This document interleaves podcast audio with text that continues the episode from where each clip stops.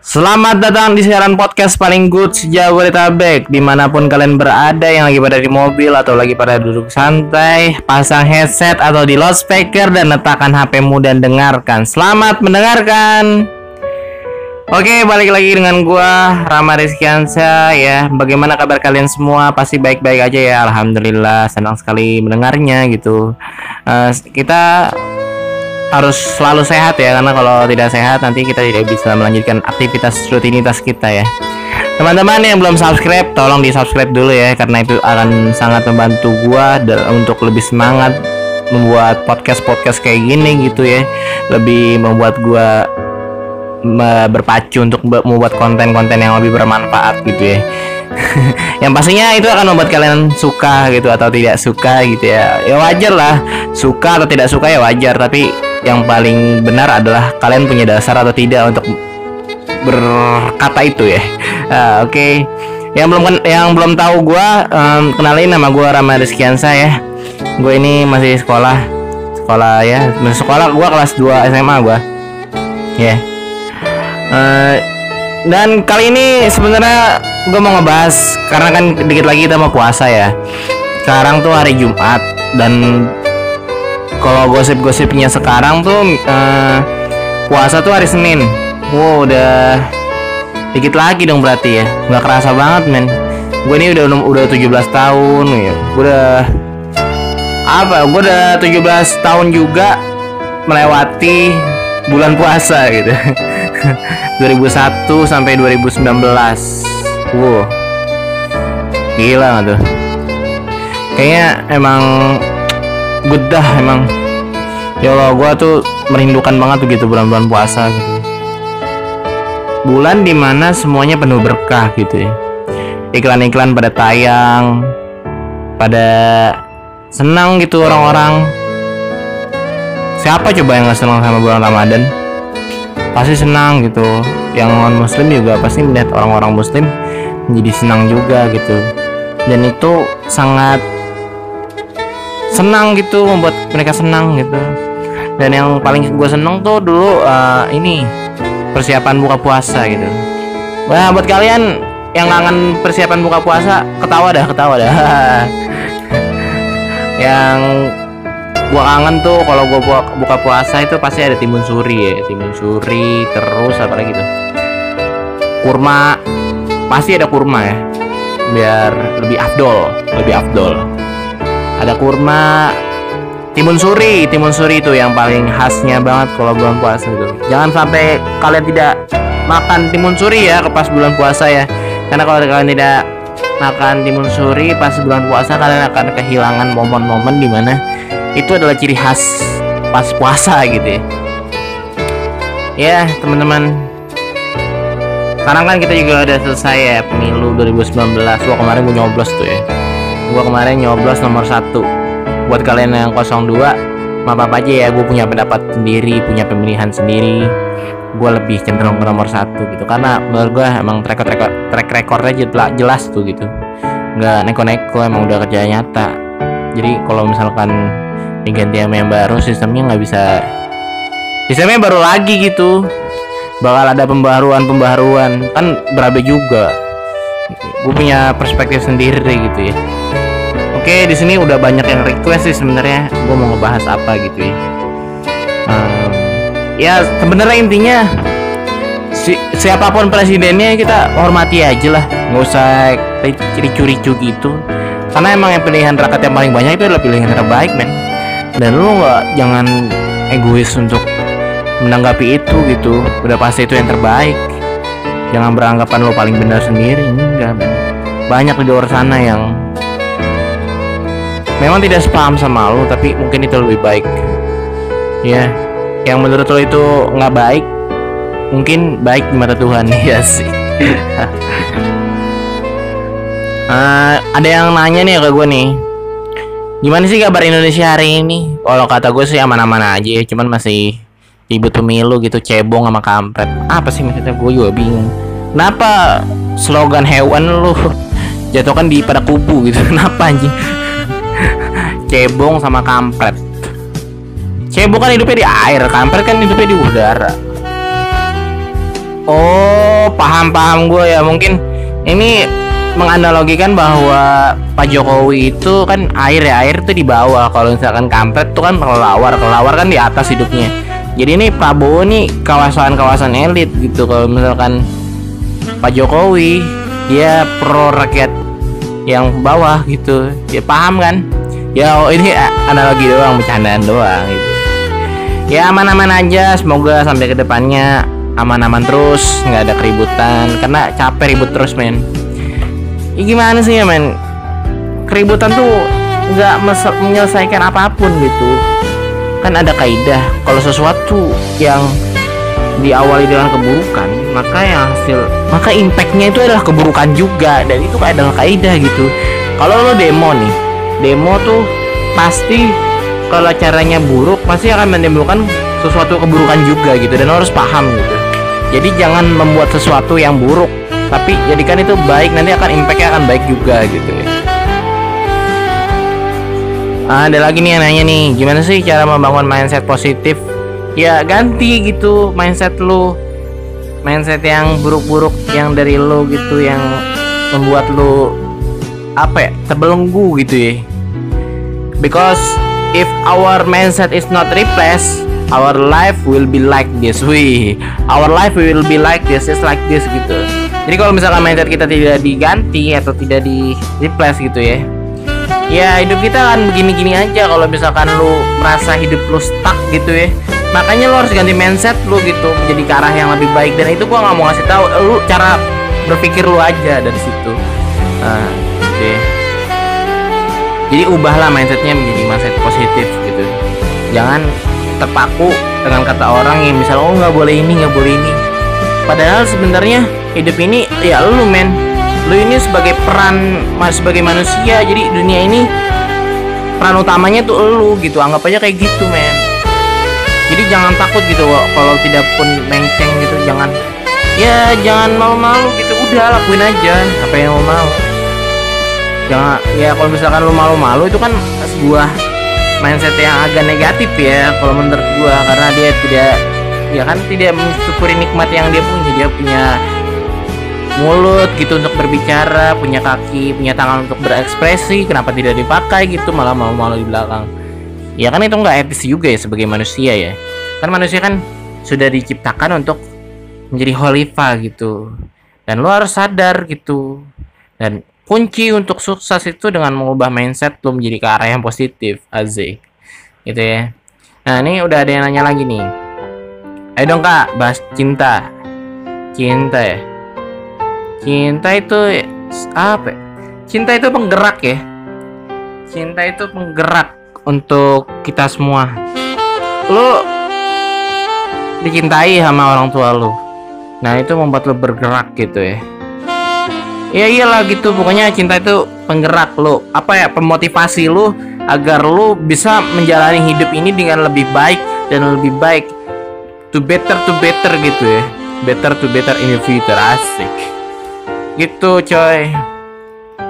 Dan cinta itu yang bener-bener tulus ya, cinta yang dalam hati. Asik. Bukan cinta yang diawali dengan nafsu asik cinta yang baik itu yang apa ya yang berkualitas itu ya katanya sih kalau misalkan lu udah berkomitmen untuk menikahi seseorang dengan lu tulus mencintainya sampai mati ya sih. Jadi lu harus menikahi seseorang dulu dan itu cinta lu tuh dianggap berkualitas. Asik. Dan ini statement ini gue ambil dari guru gue ya. Makanya gue berani ngomong gitu karena guru gue ngomong kayak gitu kan. Cinta yang berkualitas itu adalah cinta ketika lo sudah menikah gitu katanya. Ya ayo siapa yang menikah muda ya. Gua rasa sih nggak ada ya. Dan itu yang tahu Bu Fatma itu tuh yang ngasih tahu gua. Hmm. ada lagi nih yang nanya itu kak kenapa sih lo berani beda kak? Ya gue berani beda emang orangnya. Gue punya slogan ini it's better to be different than to be better. Asik. Lebih baik menjadi orang yang beda daripada menjadi orang yang baik gitu. Maksudnya menjadi lebih baik. Dan sebenarnya ini gue ambil dari kata-kata Panji ya. Sedikit lebih beda itu sedikit lebih baik gitu. Jadi gue ambil kata-kata itu. Dan ini selalu gue bawa setiap gue kalau keliling-keliling pidato gue gue pasti pakai kata-kata itu. It's better to be different than to be better gitu. Ya iyalah men. Manusia ini diciptakan mempunyai keunikan-keunikannya gitu kita ini manusia men. We are human who have kid by which uniqueness gitu. Kita ini sudah diciptakan oleh Tuhan dengan bermacam-macam keunikan gitu. Dan lo kalau misalkan menjadi orang yang sama terus bedanya lo sama yang lain tuh apa gitu. Nah kalau gue punya prinsip kayak gitu gue harus menjadi orang yang beda nih. Kalau nih orang punya ciri-ciri yang kayak gini gue punya ciri-ciri yang kayak gitu juga. Gue maksud gue punya ciri-ciri yang beda dari dia gitu nah itu mengubah gue banget gitu. Menjadi orang-orang yang berkepribadian menurut gue lebih baik gitu dari orang-orang. Karena mereka tidak punya apa ya sosok wineness gitu keakuan. Kalau gue punya sosok uh, oh ini gua gitu. Gua nggak mau disamain sama orang-orang gitu lain nggak mau gua. Walaupun ada orang yang pengen gua samain gitu. Maksud gua idola gua nih gua pengen jadi kayak dia nih ada gua cuman ya gue punya ciri khas sendiri gitu biar jadi orang beda ada lagi nih yang request kang bahas ngabuburit dong oh iya ngabuburit Ngabuburit tuh paling enak tuh apa ya? Main PS sih sebenarnya. iya men, main PS. Main PS ketika lo sedang menunggu azan maghrib. Enak banget tuh. Wah lo nggak bakal kerasa gitu. Tapi itu ada pahalanya men. Yang menurut gue ngabuburit yang paling bagus itu ya lu baca-baca Quran, salawatan gitu ya. Iya, kalau soalnya itu kan akan lebih afdol puasa lu gitu lu akan mendapatkan kebajikan kebajikan atau pahala-pahala yang yang apa ya yang sangat besar gitu karena kan bulan Ramadan ya uh, yang pahalanya itu dilipat gandakan nih selama bulan penuh gitu. Makanya orang-orang banyak termotivasi untuk melakukan ibadah-ibadah yang lebih giat itu rupanya. Kayak sholat terawih 30 hari full. Walaupun ketika 10 hari ke belakang mereka tidak sholat raweh karena sibuk membeli baju gitu. Ayo siapa yang mau suka beli baju terus 10 hari sebelum lebaran udah pada nggak teraweh ayo ngaku. Dan jangan nih udah baju mah gampang. Beli aja siang hari. Jangan teraweh oh iya siang hari kan aus juga ya? Iya ya siang tuh aus juga ya? Ya ya ya nggak usah lah baju mah. Uh, emang sih kayak udah tradisi sih tapi menurut gue baju mah nggak usah taruh dipusingin deh. Apa aja yang ada yang bagus lo pakai aja gitu. Syukuri aja apa yang lo ada gitu. Nggak usah maksa-maksa. Kalau ada duit. Kalau ada duit sih nggak apa-apa. Kalau misalkan lo nggak ada duit ya jangan. Udah apa pakai aja yang yang ada gitu. Nggak usah terlalu ini banget gitu kalau kalau lo harus beli. Enggak sih.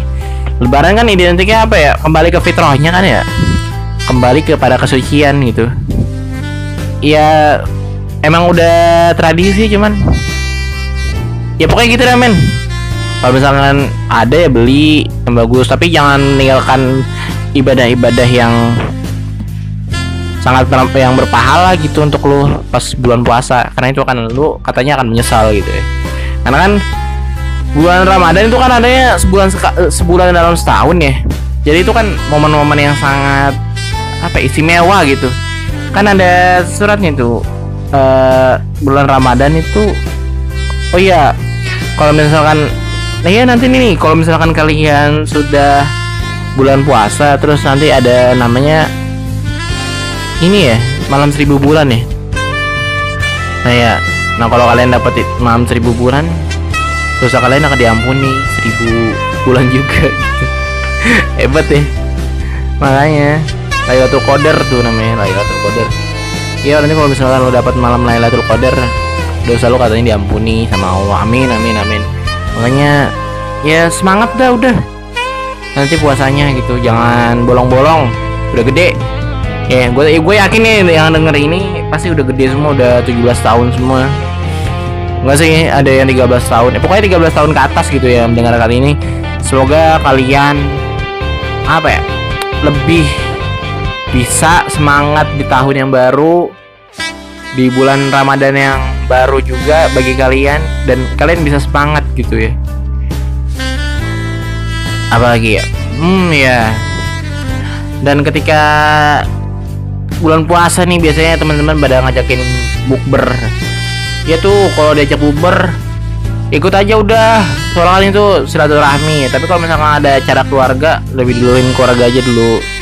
Karena keluarga itu penting daripada temen.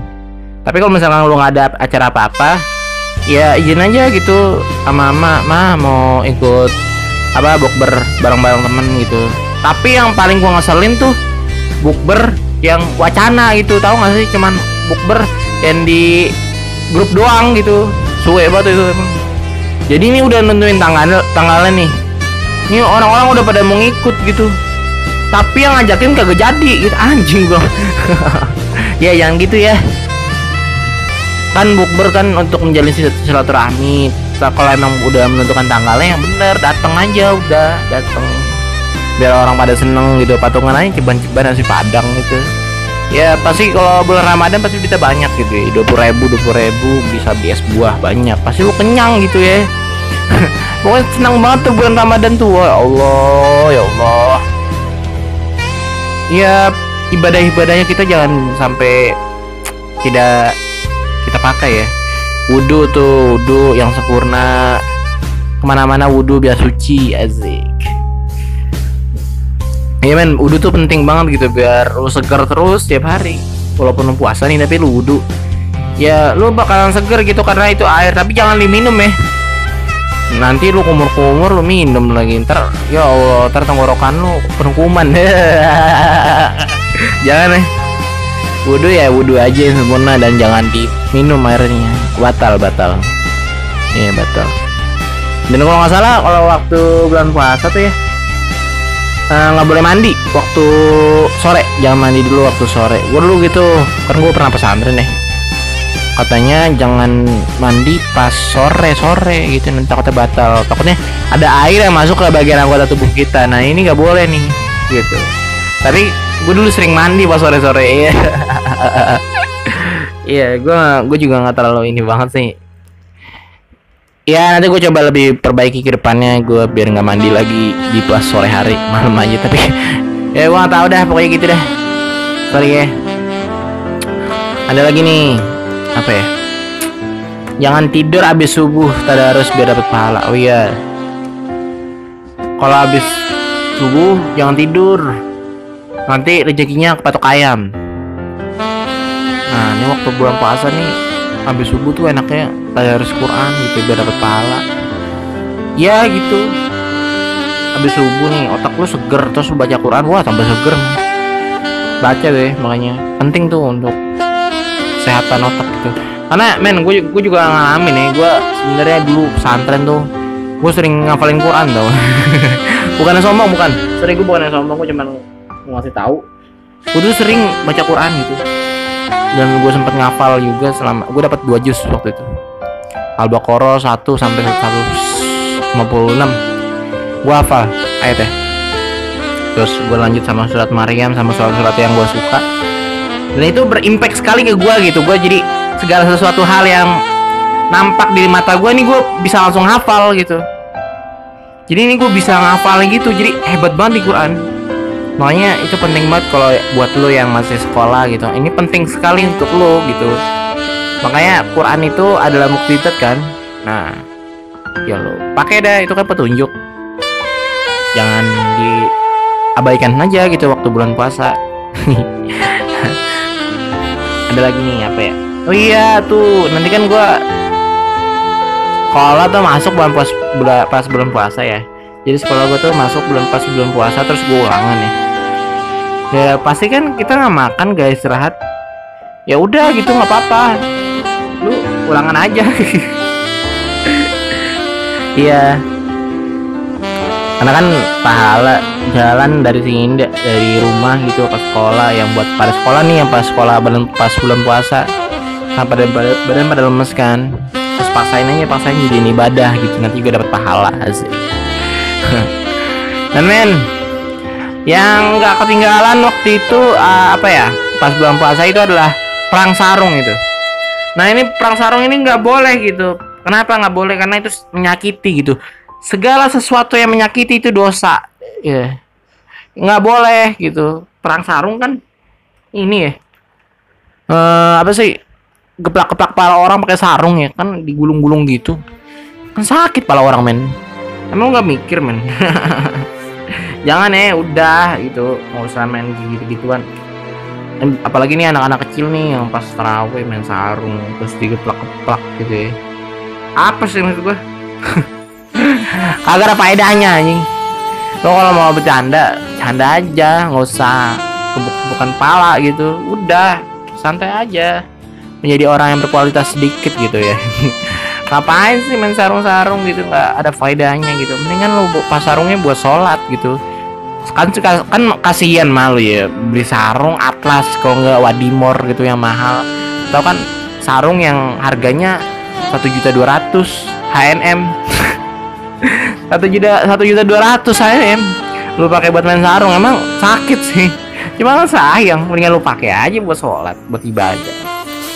Kan dampaknya kan lu nyaman gitu untuk pakai itu. Makanya udahlah kurang-kurangin uh, budaya kayak gitu perang sarung itu nggak boleh ya apa? Oh ya waktu bulan puasa juga bahkan banyak yang sering main petasan ya. Nih petasan nih gue suka dulu suka banget tuh main petasan dulu apalagi pas menjelang lebaran. Suka banget gue main petasan. Karena menurut gue menurut gue petasan itu seru gitu. Jadi bisa bikin orang kaget. Makanya sekarang gue kagetan. Iya gue ngeliat apa pun jadi kaget gitu. Gara-gara gue dulu main petasan mulu gitu. Jadi kayak jantungan gitu semoga gua nggak jantungan amin. Ini ada yang pesan lagi nih. Uh, gimana uh, gimana? Pesan lu sebagai seorang oh enggak pertanyaan gini. Kak coba dong bahas menjadi orang baik gitu gimana? Ya jadi orang baik. Selalu menjadi orang baik gitu. Iya teman-teman kita ini hidup di dunia harus selalu menjadi orang yang baik. Karena kodrat kita hanya untuk membantu orang-orang. Iya. Yeah. kita ini hidup untuk membantu orang-orang. Dan itu harus menjadi orang baik. Yeah. bukan menjadi orang yang menghilangkan ketidakpercayaan diri orang gitu. Atau menghilangkan rasa toleransi terhadap masyarakat. Ya apa sih ini ngaco gue ya pokoknya gitu jadi orang baik ya. Baik itu perlu untuk masa depan yang nyata dan dan gemilang. Karena kalau misalkan lo nggak jadi orang baik-baik maka orang juga akan berimpact kepada lo yang tidak baik-baik. Oke. Okay. pembahasan kita berakhir pada di sini. Terima kasih teman-teman sudah mendengarkan podcast gue selama sekitar 25 menitan ya. Tadinya gue mau ngomong sama selama satu jam cuman gue nggak bisa ngomong lama-lama karena